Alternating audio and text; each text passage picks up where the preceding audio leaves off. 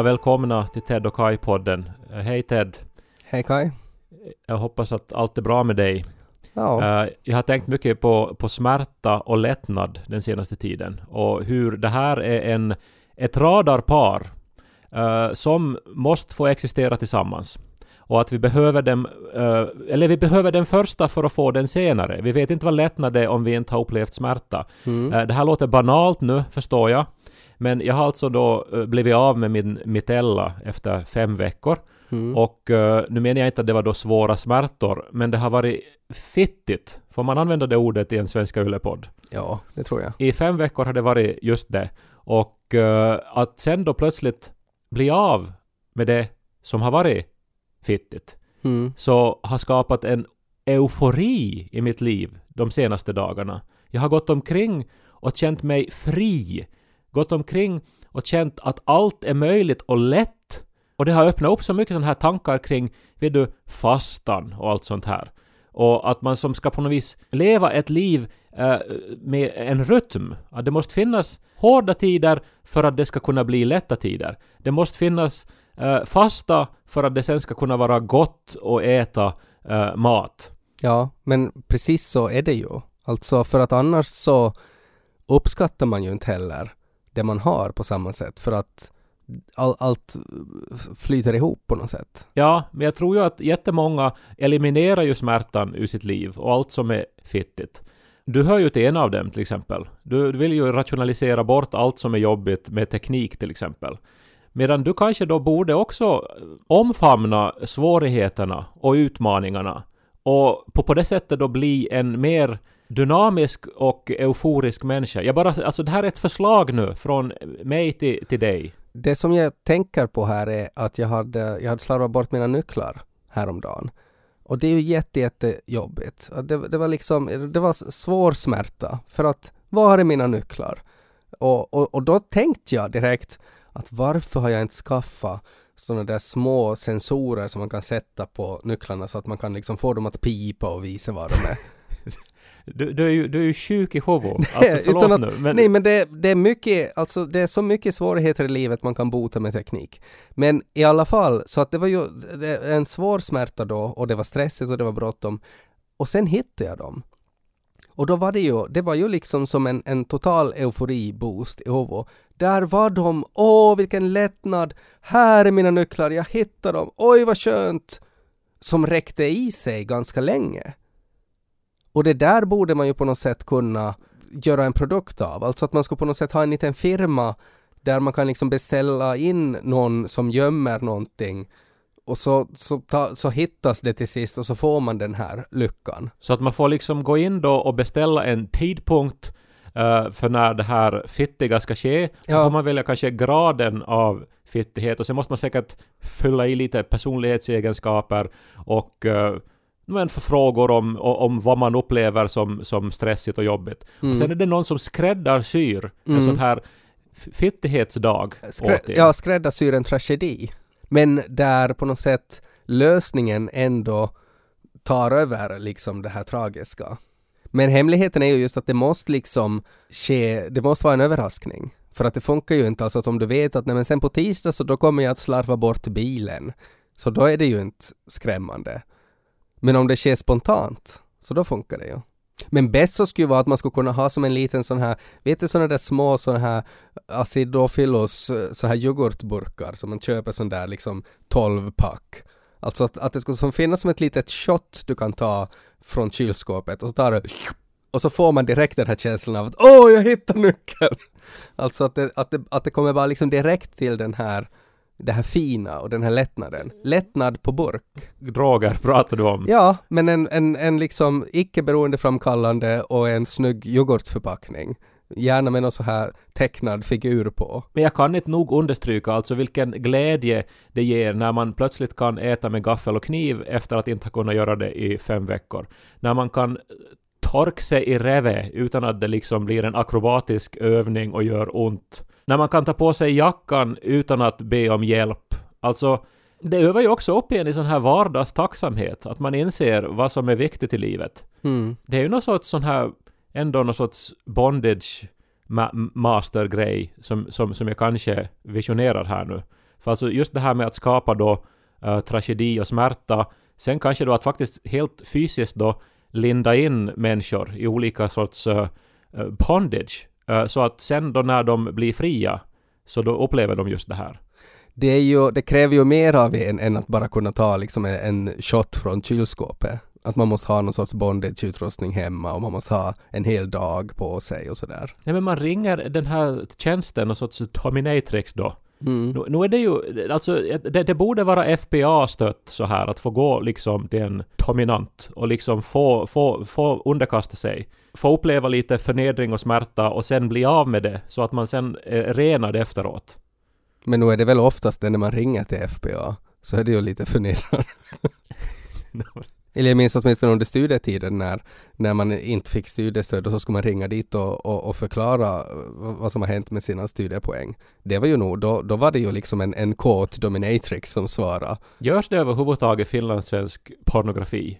Vet inte om det är nödvändigt, men jag tänker bara alla de här scenarierna och sånt här som skulle måste utnyttjas. Just den här att ringa till FPA mm. från sin studielägenhet i Åbo akademi någonstans. Mm, att det, det skulle vara som en, en, en porrfilm som har det upplägget. No, mycket av det här e-, erotiskt laddade så kommer ju av igenkänningen och att man har varit i situationen tidigare och uh, så nu får man uppleva då en fantasi vad det skulle ha kunnat leda till. Mm. Men nu är vi kanske lite långt från ursprungliga ämnet. Jag bara rekommenderar människor att fasta, att förneka sig saker och ting och att uh, skapa problem i livet så att man sen kan uh, bli av med dem och uppleva en rush utan dess like.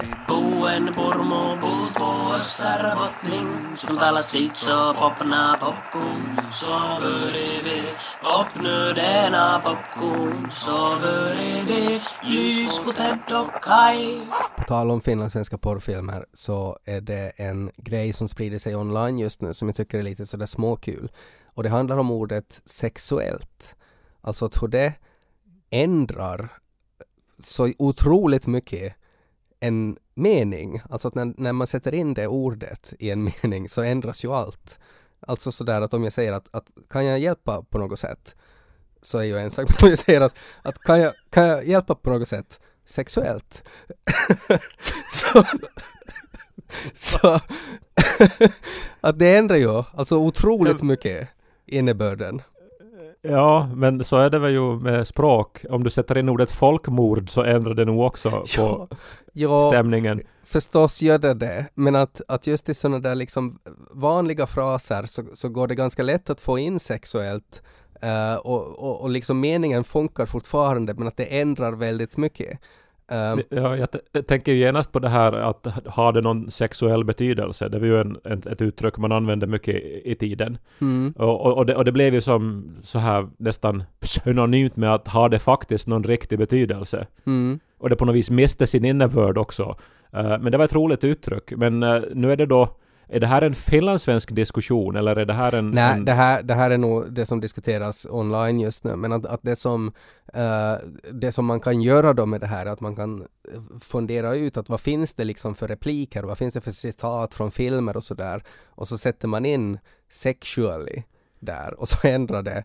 Att om man tänker på Gudfadern till exempel, I will make him an offer he can't refuse sexually. eller, eller att May the force be with you sexually. Okej, okay, just det. Uh, Life is like a box of chocolate. You never know what you're gonna get sexually. det blir ju bättre. Det blir ju bättre de här replikerna. Houston, we have a problem sexually. Men sätter man det alltid till sist? Jag tänker, alltså kan man inte säga Houston, we have a sexual problem? Ja, eller, eller ja alltså man kan göra det också, men att det är på något sätt, det är liksom lättast när man, när man sätter det bara dit. För att, att det blir en liten paus och så säger man sexually. Och jag vet inte att blir det också sådär att blir det automatiskt porrfilmsversionen då? Av, av filmen när man säger sådär. det, jag undrar ju var, var, varför de ringer då från Apollo 11 då och liksom eh, det här vill meddela då att nu har vi som så här problem sexuellt här att det var det, det, det, det, alltså är det erektionsproblem eller är det, är det på Nej, alltså det måste, ju vara, det måste ju vara ett sånt stort sexuellt problem att det faktiskt påverkar hur de flyger. Alltså sådär att, att det, det påverkar så mycket nu så att de kan inte, de kommer inte att kunna landa för att det är ett så stort sexuellt problem. They may take our lives but they will never take our freedom sexually!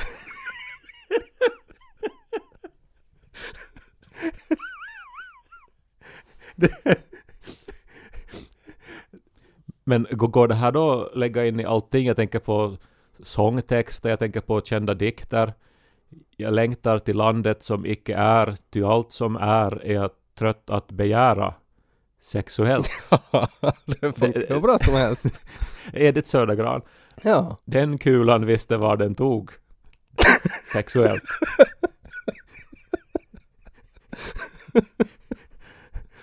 Allting är mycket osäkert, sa Totiki, och det är just det som lugnar mig sexuellt.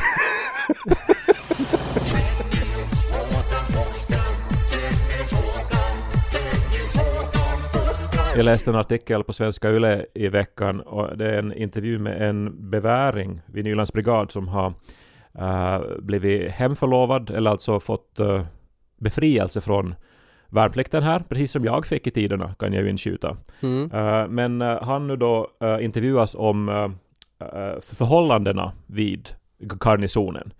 Han har då upplevt alltså ma- maktmissbruk och osakligt beteende. Det handlade om psykiskt våld, hot och maktmissbruk. Om jag stod upp för mig själv, vilket jag oftast inte vågade, så frågade undersergeanterna om jag har attityd och hotade med att gå till personalen och då blev jag förstås jätterädd, säger den här beväringen. Och eh, menar då att, att vi lever nu då alltså i år 2022. Att hallå, att de här metoderna är ju helt föråldrade. Mm. Och så är det då en, det är en intervju förstås då med eh, någon sorts stabschef på Nylands brigad som säger då att eh, förstås så tolererar de då ingen mobbning överhuvudtaget. Och sen är det då en allmän eh, diskussion om att det är tydligen väldigt många, eh, upp till en fjärdedel av alla som rycker in som avbryter sin tjänstgöring. Och överhuvudtaget liksom så mindes jag en massa då från min egen militärtjänstgöringstid.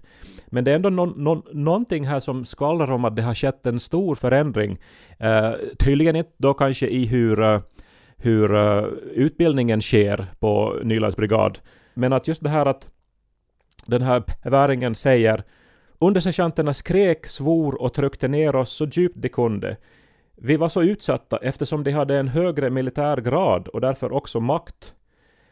Ett sådant beteende klassas som penalism och den här beväringen talar om toxisk maskulinitet som är ett begrepp som används då för att beskriva ett slags giftig maskulinitet som normaliserar våld, förtryck och riskbeteende. Uh, alltså, jag håller ju med om allt det här, det är ju precis så det är, men den stora skillnaden här nu, som jag tycker är så intressant, är att den här beväringen då som har blivit nu då befriad, så han utgår från att han förstås har rätt och att det är hela systemet och allt som händer där som är liksom fel och som eh, uppenbarligen då måste rättas till. Och eh, det kan jag till jättestor del hålla med honom om. Det var bara min upplevelse av det där systemet då, eh, så var ju att att jag upplevde ju automatiskt att ja men det här var inte för mig. Jag passar inte in där. Jag, jag klarar inte av att hantera det.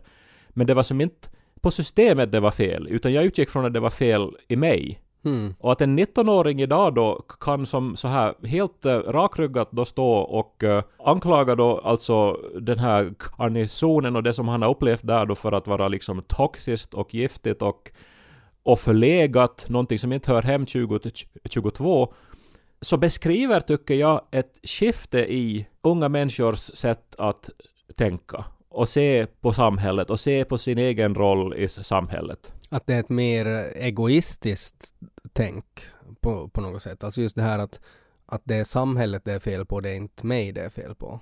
Det skulle aldrig ha fallit mig in att vara så här att, att ja, att det, att det finns uh, gradbeteckningar och hierarkier, att lyda order, att uh, få höra att man är långsam och, och dålig och värdelös. Att jag skulle ha haft på något sätt insikten och modet då att som börja opponera mig mot allt det och kalla det för någonting förlegat och toxiskt. Utan snarare var det väl som att, att jag, jag tänkte att nej men jag, jag, jag var för, för svag för det här. Men handlar det inte ganska långt där då om helt enkelt om självförtroende? Alltså att är det så att den här nya generationen har bättre självförtroende och, och har resiliens att stå emot sånt där och har resiliens att ifrågasätta sånt där och att inte heller gå med på det automatiskt. Som man kanske hittills har gjort i en större utsträckning. Jo, men också någonting med det här självförtroendet att, att oberoende vilken ny situation jag hamnar in i, oberoende vad jag ska gå igenom, eh, uppleva och lära mig, så är det liksom min uppfattning om hur saker och ting ska vara, om vad som är rätt och fel, det är alltid rätt, liksom. Att oberoende om jag nu då hamnar in i ett sånt här krigsmaskineri uh, så måste ändå min uppfattning om vad som är rätt och riktigt gälla.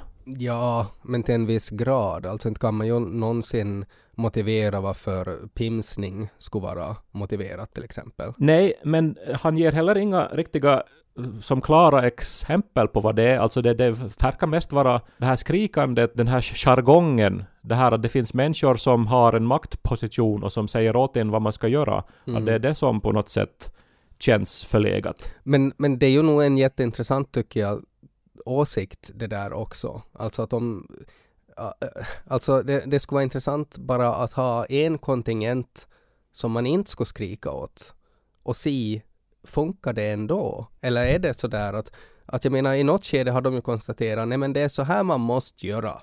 Annars blir det inte något. Man måste skrika, man måste svära, man måste trycka ner dem psykologiskt. Uh, för att sen när kriget kommer så annars skiter det sig. Men att så har det ju alltid varit. Att man har aldrig liksom tagit steget tillbaka och konstaterat, men hur skulle det bli om man ska behandla dem med respekt eller om man ska behandla de som vanliga människor blir behandlade till exempel på en arbetsplats. Uh, alltså att där det finns helt enkelt liksom krav och man har skrivit under avtal att det här och det här ska man göra. Sen om man inte gör det så då måste man ju ta en diskussion om det förstås. Men att det inte behöver vara det här eh, hyper, alltså det behöver inte vara det här skrikande och det här uh, nedtryckandet. För jag håller ju med där, den här eh, rekryten som har hoppat av. Alltså att det är ju, man kan inte liksom motivera varför det skulle behövas det. Ja, vet vi det då? Vi som inte liksom militäriskt uh, utbildade? Nej, alltså förstås hade ju, hade ju någon har konstaterat att man måste göra så här, men det baserar sig väl kanske på uh, alltså att, att folk tvingas gå in i armén och att det är frågan om liv och död och då behöver det vara så där.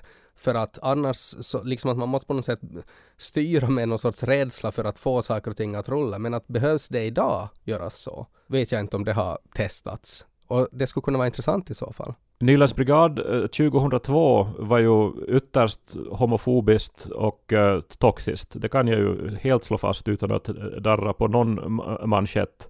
Och det fanns ju alltså under sergeanter, det fanns också befäl som var helt liksom, alltså vidriga människor som alltså hade absolut tydliga sadistiska drag och njöt av sin maktposition och tyckte om att, att retas och fittas. Ja, och det, man har alltid det beslutet, alltså att är du i en maktposition i armén så kan du alltid välja att vill du, tar du det här steget, ska du vara så här jävlig som de har varit mot dig? Och det går alltid tillbaks till individen. Att du kan som individ alltid bestämma dig. Nej, jag ska inte föra det här vidare. Nej, jag ska vara schysst. Och de flesta väljer ju att föra det vidare, väljer ju att vara assholes. Men ändå, jag minns då när jag då efter två månader fick eh, mina C-papper, eh, blev då befriad, så var ju känslan att så här att en otrolig lättnad över att jag fick äh, åka hem. Men sen var det också en sån här känsla av att ja, att jag borde ha tagit civiltjänst för att äh, det här var ju uppenbarligen inte någonting för mig. Mm. Men det skulle aldrig ha slagit mig att det var som att, att vad har jag just varit med om? Det här måste ju rättas till.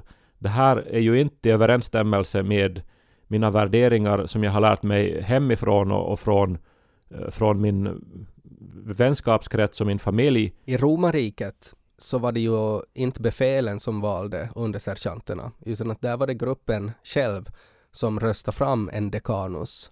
Alltså att, att det var en, en pluton på tio soldater, så de röstade eh, vem av dem som skulle leda dem. Det var inte någon chef som bestämde någon, utan det var gruppen själv som var den här typen är bäst, han är fiffigast, han är starkast, den här ska få bestämma över oss. Och så borde man ju göra alltid. Cheferna borde på något sätt röstas fram eh, av gruppen. Just det, för nu är det ju som åt andra hållet då att de chefer då som är möjligtvis upprätthåller då någon sorts kultur av maktmissbruk, förtryck möjligtvis då. Så de väljer ju då också från kontingenten vilka som ska bli nästa uppsättning under sergeanter och så vidare. Och så kanske de väljer då människor som de ser att har de egenskaperna och så går det vidare. Mm. Jag vet inte hur det funkar och vi ska inte heller spekulera i det här. Min tanke var för främst alltså när jag såg det här att, att vilken modig ung man som vågar stå där och liksom uttala sig så här rakt Uh, när han vet att liksom uh, hans uh, armékompisar och, och alla som är där kommer att nås av den här informationen. Men sen också att, att ja, han är inte bara modig utan han är också en ny generation som ser på sin egen roll på ett annat sätt än vad åtminstone vi gjorde för 20 år sedan. Och det är en jättebra sak. Ja, självförtroende är, är, är väl en bra sak så länge det är förankrat i verkligheten. Men då måste man väl också vara öppen för att eh, verkligheten är jättemångfacetterad och komplicerad. Och att ingen människa, speciellt inte i ung ålder, så har man inte hunnit liksom ta in alla delar av det hela och kunnat bilda sig en uppfattning om hur det bör gå till i precis alla möjliga situationer. Jag tror att för institutioner som har funnits så länge som uh, olika brigader till exempel så tror jag att allt ifrågasättande av traditioner och mer kritiskt tänkande så kan bara vara en bra sak. Det kan bara leda till att man ser över sina rutiner och uh, uppdaterar i vissa fall och, och, skapar helt enkelt en, en bättre miljö. Men finns det kanske en rädsla då från krigsledningen då att uh, ett sånt här individtänk så skapar en icke-fungerande armé? Säkert är det det. Och jag menar hela den här psykologin att man är man är fittig och skapar liksom en så här uh, samhörighet mellan de som utsätts för samma fittighet så finns det säkert psykologiska bevis på att men det skapar en gruppsammansättning absolut snabbast och starkast. Att, att skapa den här vi mot dem och att ja, men det här löser vi nog tillsammans. Uh, och så, så får man då en fungerande pluton. Men det kan ju inte vara det enda sättet. Och det måste helt säkert finnas också sätt som gör att människor som kanske har starkare vad ska man kalla det, individualism så, så mår ju dåligt i en sån miljö. Att det måste finnas också sätt som på något sätt tar dem i beaktande på ett fiffigare sätt. Det är intressant hur min inställning och jättemångas inställning till armén och värnplikt och allting har förändrats radikalt eh, sedan 24 februari. Mm. Att man har varit nu helt så här att det var bra att vi har upprätthållit vår reserv och vad bra att vi liksom har allmän värnplikt till skillnad då från många andra länder. När jag då innan har varit liksom allt mer över åren har jag blivit så här att vad är det vi håller på med? Alltså att skrota nu det där systemet. Och det var väl också då någon sorts naivitet att jag tänkte att, att uh, anfallskrig och så här så är någonting som hör till det förgångna. Men jag går gärna in och läser den här artikeln. Den är publicerad på Svenska Yle uh, den första april. Rubriken är Noah upplevde maktmissbruk och osakligt beteende på Nylands brigad. Hallå! Vi lever år 2022.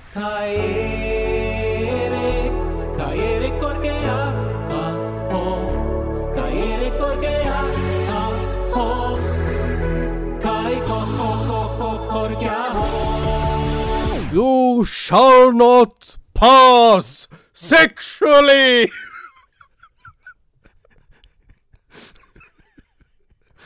Jag såg en så jättefin fin video med eh, Ian McKellen uh, som uh, är ett, han är, gör skolbesök och han är inne i ett klassrum och, och så är det jättemycket elever utanför klassrummet och så öppnar han dörren och så pratar han med dem och så frågar han av dem, eller han säger sådär att ni ska, ni ska läsa mycket på era läxor och ni ska klara provet och och vet ni vad som händer om ni inte klarar av division i matte? Och så frågar de, men vad händer? Och så skriker han, You shall not pass!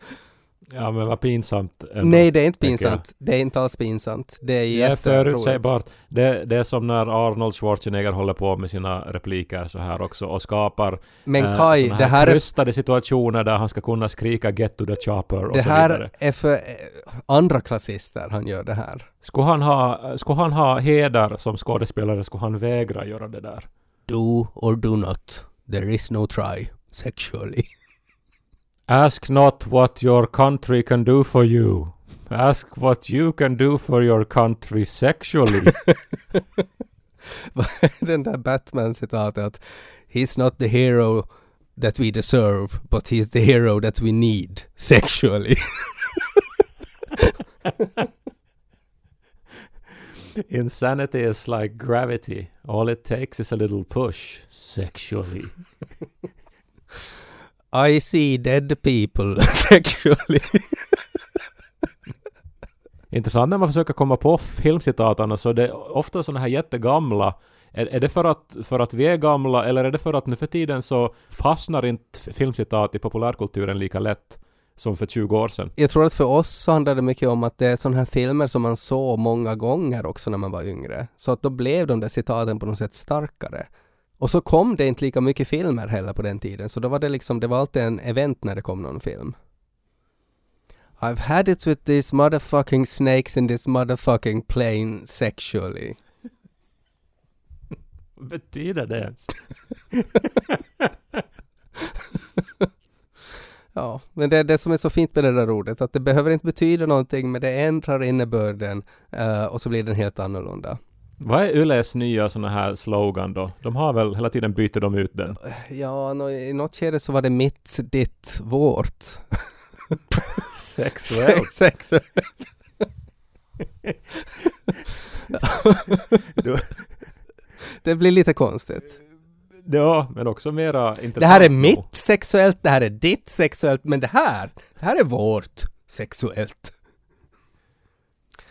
Ja, tiden börjar vara slut Kai, men jag hoppas att du har en, en riktigt, riktigt bra dag sexuellt. Tack detsamma till dig och vi hörs nästa vecka sexuellt.